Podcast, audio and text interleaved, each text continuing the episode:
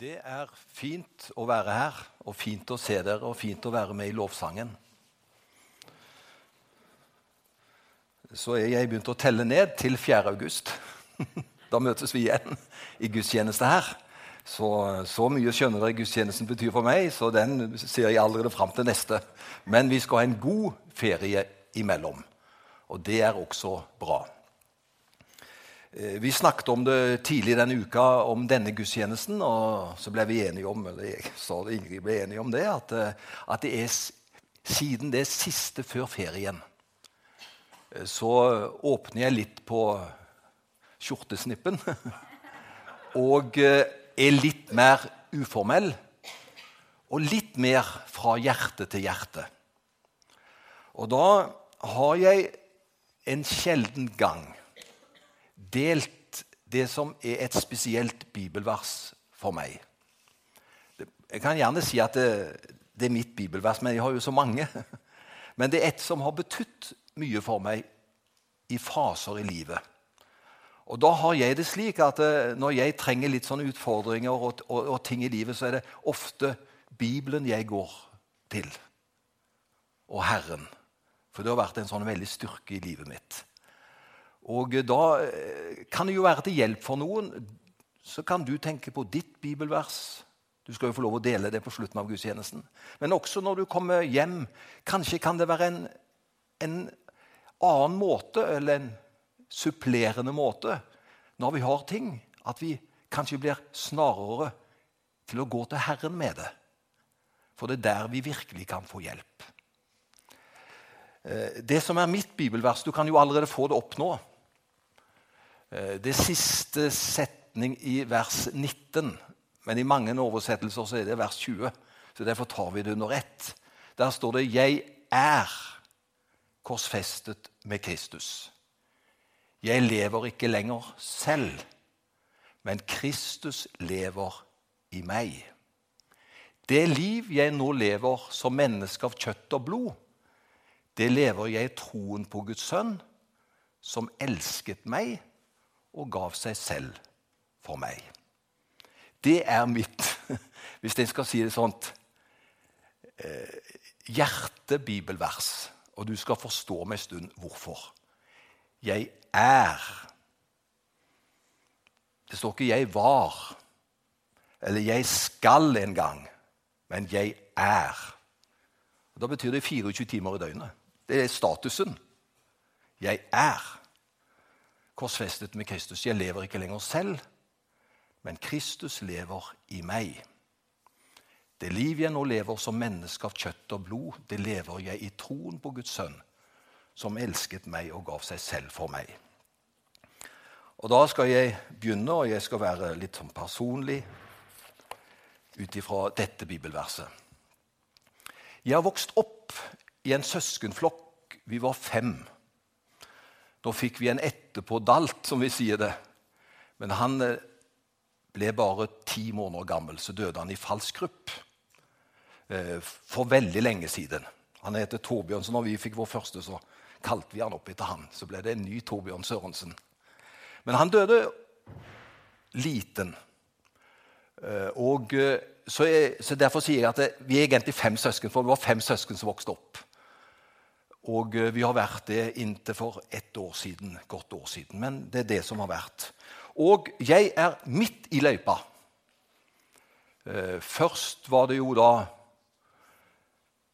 ei søster, og så var det en bror, og så var det meg, og så var det en bror, og så var det ei jente som var yngst. Og han som var over meg Det skiller bare 18 måneder. Carl er hans navn. Han var veldig for seg. Han var vakker. Han ble liksom tantenes drøm. For han var så utadvendt. Liksom, han, han, kunne det. Han hadde skjerm, han hadde alt. Og så var jeg 18 måneder yngre. Jeg var like stor som han i kroppen. For jeg ble fort, så de trodde nesten vi kunne være tvillinger rent sånn fysisk. Men det er klart at det, eh, på mange måter var jeg veldig tilbakestående i forhold til han. Og jeg vokste opp med en skjønn, fantastisk storebror som tok hele showet. Og når jeg fikk spørsmål om noe, Så var det veldig naturlig for meg. Så jeg sa 'Svar du, Carl', sa jeg. Så det var den måten jeg fikk liksom, ting fridde meg unna. 'Svar du, Carl'. Og han svarte med glede, for da fikk han jo enda bedre plass. Så jeg vokste opp med en veldig sentral bror, og han skal ikke ha skylden for det. Han var naturlig. Men jeg utvikla en sjenanse og en menneskefrykt. Og eh, opplevde at dette med kommunikasjon og dette med å liksom ta de tingene Det var ikke lett for meg. For jeg en, og jeg brukte også min storebror, eh, fordi han svarte for oss begge. Så det er noe av min bakgrunn. Jeg var en beskjeden gutt som vokste opp. Og så hadde vi en far som var hjemme en måned i året. Ikke fordi han var en dårlig far, men han var nødt til å reise i utenriksfart for å redde familien økonomisk. Og da var Det slik at eh, det var ikke spørsmål om det engang. Han var ute elleve måneder, og så var han én måned hjemme, og så ute igjen. Så jeg vokste opp med en far jeg tenker på det nå, jeg hadde en sånn en månedspappa. For han var hjemme hos oss nær oss en måned, og så var han ellers ute. Sendte hver måned hjem penger, så at familien kunne forsørge seg. Og Det var egentlig ingen som uh, klagde på det. Hvis du skal vite enda mer, så, så delte jeg med, seng med min bror som 18 måneder eldre til jeg var 10 år gammel. Og da var han 11,5. Så uh, jeg var så glad når jeg var godt og vel 10 år, så jeg fikk jeg iallfall min egen seng. Men fortsatt på samme rom. Så det er noe av dette vi hadde utedo. Vi leste avisa først, etterpå brukte vi den. Det var på Visnes på Karmøy. Enkle kår på slutten av 50- og begynnelsen på 60-tallet. Og så var jeg da, som jeg sier nå, veldig sjenert. Men det var én ting som jeg tror ga, Gud ga meg som en gutt. Og Det var kallet til å bli en forkynner. Men du vet, du har jo noen odds å kjempe mot hvis du skal være predikant, som egentlig skal være nokså sentral med den sjenansen og menneskefrukten som jeg hadde menneskelig sett. Det var eh, tøft. Men det var noe som dro i meg, og det som dro i meg, var sterkere enn det som hindra meg. Og heldigvis er det sånt. Så 17 år gammel, 17 15 år, så begynte jeg å studere eh, teologi. Og, og, og var, var, for ung. Men rektor han, jeg, var veldig stor i kroppen, så han trodde jeg var gammel nok. Han så ikke på papirene, så jeg hadde gått et halvannet år. så han, du er for ung, du, sa han. Men da kunne han jo ikke kaste meg ut, for jeg hadde vært et halvannet år. Og han hadde jo fått papirene, han hadde bare ikke lest det, at jeg var så ung. For du skulle være 19 år og ha artium eller videregående for å gå der. Jeg var 17 15 og hadde ikke den kompetansen. Men jeg fikk komme inn fordi det var ingen andre som søkte det året der. Og de ville jo ha studenter, så jeg var jo heldig. Men så kunne du høre, jeg var 17 15 år, og så skulle jeg på min første møtehelg Og jeg tenker på, Du er jo veldig ung når du er 17 15 år. Og Da skulle jeg opp til Raufoss og en møtehelg. Og jeg gleda meg til møtene, for møter det var greit. Men nå skal du høre. Vet du hva jeg grua meg til? Jeg skulle bo privat hele helga. Hos fremmede folk jeg har aldri møtt dem før. Og jeg tenkte hvordan skal jeg kunne ha en samtale gående privat? Og når jeg satt på toget fra Østbanen og skulle til Raufoss, så måtte jeg legge, lage en strategi på toget. Vet du hva jeg gjorde? Jeg lagde noen sånne små lapper. Og de hadde jeg inni buksa. Og når vi skulle spise middag eller være sammen med folk, så tok jeg opp én og én lapp, så at de kunne ha en samtale i gang. Og På den første lappen står det 'Det er fint vær i dag'. Så da fortalte jeg nå skal jeg snakke litt om været. Og Da leda det meg, men det klart du kunne ikke snakke så veldig lenge om været. I fall ikke timevis. For det er jo fint vær i dag. Og så neste tema Jeg hadde, sånne lapper. Neste tema det var Hva jobber du med? Det var et naturlig spørsmål, ikke sant? Men eh, jobba du på Raufoss, så var det ikke så mange alternativer. Og så var neste Har du mange barn? Og da håpte jeg jo at de var plassert i en familie. Og det, det var jeg. Og så hadde jeg en til. Hva var det, da? Det var så limt sammen her, men det kommer snart fram. Det er spennende hva som er der. Her kommer han fram. Norge er et bra land å bo i. Hva skal man si om det? Og du vet at det Så hjelpeløs var jeg. Og det er klart at Jeg klarte den første måltidet, men så tenkte jeg det er jo flere måltider. For jeg skulle være der hele uka, hele helga, mener jeg. Skjønner du at det var et problem? Men møtene gikk greit. Han sa det, han som var pastor der, Sten, jeg tror du har emner til å bli predikant, sa han. Men han så meg jo bare i møte. Han så meg ikke imellom, ikke sant? Og så kom jeg, satte jeg meg på toget etter søndagskvelden og skulle hjem på Stabekk, der hvor jeg bodde på internatet på skolen der. Så sier jeg til Vår Herre hvis det er sånn det skal være, så reiser jeg hjem innen ei uke, sa jeg til Herren. For dette gidder jeg ikke. Hvis du har gitt meg et kall, og jeg er så handikappa, så må du gjøre noe med det. For jeg kan ikke ha det sånn, for jeg trodde jo han hadde gitt meg et kall. Og vet du hva han sier til meg? Sten, sa han. Altså, ikke fysisk, men han sa det inni meg. Les Galaterne 2,20, sa han. Altså en sånn stemme, en sånn en tildragelse. Les Galaterne 2,20. Og så hadde jeg jo lest det før. Og så leste jeg det med nye øyne. Med en dyrebar praksis som var ond. Men så leste jeg 'Jeg er'. Altså i nåtid, i presens. Jeg er korsfestet med Kristus. Og samme formen på neste setning. Jeg lever, men ikke lenger selv. Og så begynte Herren å si til meg, Stensson, vet du hva som er ditt problem? Du lever sjøl. Du er ikke korsfesta, du, med meg. Du, ikke, du lar ikke jeg få være herre i livet ditt og ta over. Men vet du hva du gjør? Du gjør så godt du kan, og det er ikke godt nok. Og det skjønte jeg jo ikke var ikke godt nok. Jeg prøver så godt jeg kan fordi jeg lever sjøl, for å få det til. Og det gikk ikke. Men så sier Herren det er en bedre oppskrift. Hvis du er korsfesta og ikke lenger lever, hva er din status hvis du er for det første er du korsfesta, og for det andre så lever du ikke? Hva er din status Da Da er du død. Og så var det som Herren sa til deg, Vet du hvem som er opptatt av navnene sine? Det er de som lever.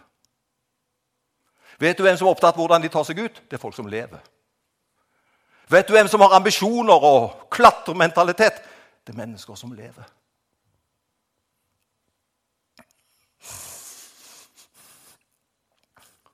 Men det er ikke det livet jeg har kalt deg til. Du skal ikke gå i egen ambisjon. Du skal ikke prøve å få det til og prøve å plassere deg for at det på den måten skal gå godt for deg. Vet du tror Det er et mye bedre liv. Du skal være korsfesta hele tida. Og du skal hele tiden ikke lenger leve sjøl.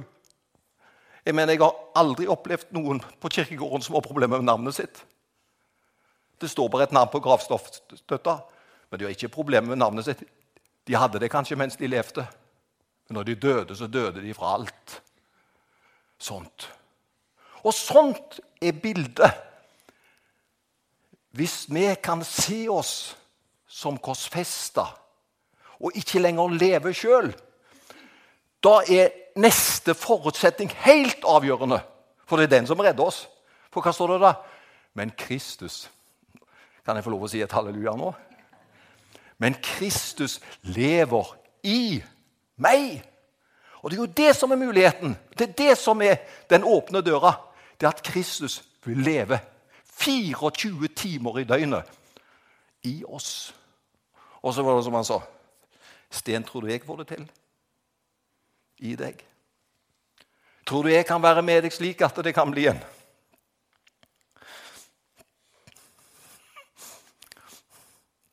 en endring. Fra da av så var det som om jeg tenkte at det verset der, det må jeg lese hver dag. For du kan lese det én gang, og så glipper det. Du kan lese det ti ganger, og så glipper det. Men det må være noe du er innom hver dag. Og siden så har jeg ofte vært innom det verset der. Jeg er 24 timer i døgnet har korsfestet med Kristus. 24 timer i døgnet så lever jeg ikke lenger sjøl. 24 timer i døgnet så lever Kristus i meg. Og det liv som jeg lever nå på jorden, det lever jeg i troen på Ham som elsket meg og gav seg selv for meg. Og da kan jeg si Det skjedde ingen hurtig helbredelse. Men vet du hva? det begynte en prosess. Og så reiste jeg heldigvis ikke hjem etter ei uke. For jeg opplevde det at eh, skammen og hvordan du er, og hvordan andre oppfatter deg Du må legge det ned, eller så sliter du deg ut. Sten, du skal se deg som død i forhold til de tingene. For du lever jo ikke lenger sjøl. Og da ble Kristus en ressurs og en mulighet og en velsignelse gjennom livet. En prosess begynte. Og så har jeg jo hatt veldig artig med broren min. Han er jo fortsatt 18 måneder eldre. Og han tok jo en annen bane i sitt liv. Han ble vel det som kanskje han la opp til, med frimodighet og dyktighet. Så han ble, han ble jurist og satsa den veien. Men det er lenge siden jeg har gått forbi han når det gjelder frimodighet. kan jeg bare si. Det er lenge siden. Og han sier det, Sten, jeg vet få som er så frimodig som deg. Og da vet jo jeg det har ingenting med meg å gjøre. Det har med Kristus som lever i meg. Og da jeg tenker litt barnslig, jeg. For jeg må si at jeg har intervjua har vært sammen med statsminister forskjellige land. Men så kan jeg tenke, de går på do, de òg, tenker jeg. Ikke sant? Det er mennesker, det òg. Hvorfor skal vi ha en sånn holdning som gjør at vi blir så små, og de blir så store? Vet du hva? Du og meg i Guds øyne er så verdifull at han vil bruke oss akkurat som vi er. Kristus lever i meg. Det er det som er muligheten. Og Da skjønner du at dette verset det har betydd mye. Det har løst meg ut. Og det gjør at det, Hva betyr det hva de andre mener, da? Hva betyr det om du sjøl opplever at dette her er ikke så bra? Du er vel ikke oppe til karakter, du er ikke vel oppe til eksamen? Ja, I så fall overfor Vår Herre. Og han ser på oss på en helt annen måte. Kan jeg få ta ett vers til? Går det bra, det? Ja, det er fint. Dere er snille. Eh, jeg får ta det nummer to, da. For dette er nummer én. Galaterne 2,20, så vet du det er mitt bibelvers. Og det er flere sitt bibelvers. Jeg må bare være innom neste bibelvers. For når jeg trenger hjelp, så går jeg til Gud. Da går jeg gjerne til Guds ord. Og jeg har det på slutten på lappen for jeg skrev en liten lapp her. Noen sier når de har utfordringer 'Hvorfor dette, da, Gud?' Hvorfor skulle dette skje meg? Det er noen som har den holdningen der. ikke sant, når de møter ting. Hvorfor skulle dette skje meg? Gud, hvor er du henne? Vet du hva jeg tenker? Da tenker jeg heller motsatt. Nå trenger jeg Gud, tenker jeg. Ikke at han blir en slags hoggestabbe. Hvorfor skulle dette skje med Gud? Dette er urettferdig Gud. Nei. Da tenker jeg heller på Gud. Nå trenger jeg deg ekstra. Vær så snill og hjelp meg. Og da er han der. Og så hjelper han. Altså, Gud blir ikke et problem om jeg har et problem. Gud blir løsningen. Og det må vi være flinke til. La ikke Gud få bli en del av problemsettet vårt. Det er nok å finne andre knagger på det. La Gud bli en del av løsningen. Og det ønsker han å bli. Og da er det Du får skylde at det blir med min pastortjeneste å gjøre mine eksempler, for det har med livet vårt. Du må bruke dine eksempler i ditt liv. Ikke sant? Men jeg hadde en kjempeutfordring. Da var jeg blitt faktisk 17 pluss 4, 21. Da var jeg blitt 21 et halvt år. Da skulle jeg ha min første begravelse. Jeg kom egentlig som ungdomspastor til baptistkirka i Halden. Det var den nest største baptistmenigheten i Norge på den tida. Og jeg var ungdomspastor der. Men når jeg kom der, så ble jo pastoren sjuk. For han hadde vært overarbeidet, og når han kunne slappe litt av, da kom det som et takras over han. Så i ni måneder var han vekke pga. at han var utslitt. Og jeg hoppet jo inn i oppgaven som ikke en 21-åring skulle gjøre. For jeg var egentlig bare en ungdomspastor. Men det gjorde at etter kort tid så var det ei dame på 56 år i menigheten som hadde vært syk lenge, og hun døde. Og så kommer mannen hennes og sier, 'Sten, eh, vi er så glad i deg, og nå er du her. Du må ta begravelsen', sa de. Og du vet at jeg, jeg hadde aldri lært meg ordet nei. Ja, men det er greit, det, sa jeg. Jeg skal gjøre mitt beste, sa jeg, og Gud skal hjelpe seg. Og så ringte jeg hjem til mor mi og sa, 'Mor, hvordan går man kledd i begravelse?' Ja, Du må iallfall ha hvit skjorte og skikkelig pussa svarte sko, og du skal være skikkelig. Det er godt å ha en mor å spørre når du er 21 år. og Jeg kledde meg som jeg skulle og var godt forberedt på det jeg skulle gjøre i Os kapell på den begravelsen. Men så kom jeg inn i sakristiet i kapellet der, og så kommer han begravelsesmannen inn i rommet. Og dette her var i 1975. Da hadde guttene langt hår. Og jeg var en vanlig gutt. selv om jeg var det. Så jeg hadde langt hår. Svart dress, alt det der, men jeg hadde langt hår, for det var moten da. Så når begravelsesbyrået spurte om jeg het Sten Sørensen Og jeg sa ja. Vet du hva han sa? 'Er du sikker på det?' sa han. Ja, jeg er sikker på at det er Sten Sørensen. For han trodde ikke det var han som kunne være for. Jeg så ikke sånt ut. Jo, det, det vil jeg si. Og så sier han noe som sjokkerer meg. Men han fikk ikke se det. Men da gikk jeg til Gud med det. For vet du hva han sa? Familien vil at du skal legge ned alle kransene. Og På den tida så sa man noe til hver krans når man la dem på kista. Dere husker det, dere litt eldre. Man sa noe på hver krans også. Og du må si noe og legge på. Det var for mann, for barn, det var for barnebarn, det var for naboer, det var for menigheten. Det ble sju til sammen. Og jeg måtte jo si ulike ting. Hadde ikke forberedt meg, tenkt på det hele tatt. Og så gikk han ut. Da var det én ting jeg sikkert sa høyt 50 ganger. Og det var Filipperne 4,13. Du skjønner, Det var Guds ord som hjalp meg. Vet du hva det står der? Alt makter jeg i ham som gjør meg sterk. Og da var jeg så barnslig. Hva er alt? Det er alle syv kransene. Det må være alt for meg nå. Alt! Alle syv kransene makter jeg i ham som gjør meg sterk. Og Jeg sikkert sa, sa det 50 ganger, og så plutselig begynte klokka å ringe. Ding, dong. Og Da visste jeg at da skal jeg gå ut, hilse på og gjøre det som man skal, før man setter seg ned. Og så begynner, eh, begynner begravelsen. Og vet du hva de sa i Halden dagen herpå? Hvem var den ungdommen der som hadde den begravelsen? Og så sier de vi har nesten ikke opplevd maken, sa de. Og vet du hva? Jeg visste hvem jeg skulle gi ære. Jeg visste hvem som hadde hjulpet meg. Alt inkludert den siste kransen også, makter jeg ham som gjør meg sterk. Jeg vil bare spørre er Gud et problem når vi har det vanskelig, eller er han en viktig del av løsningen? Og da er det fantastisk at vi kan gå til Bibelen, vi kan gå til bønnen. Og så er jeg veldig glad for at dette er mer, mye mer enn en teori. Dette er en virkelighet. Dette kan vi erfare. Og så er Gud med oss. Du har din hverdag. Du har dine ting. Men vet du hva? Han vil aldri svikte oss og aldri forlate oss. Skal vi takke ham for det? Og så er han med oss.